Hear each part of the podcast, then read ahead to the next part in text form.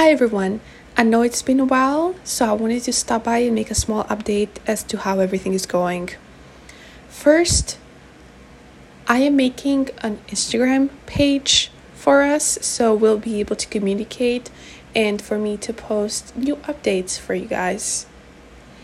And second, the website is still on the works.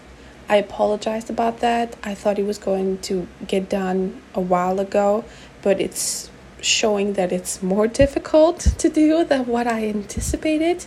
So just be, please be patient with me. When the new Instagram page will be ready, I'll make a new update here. It should be very soon.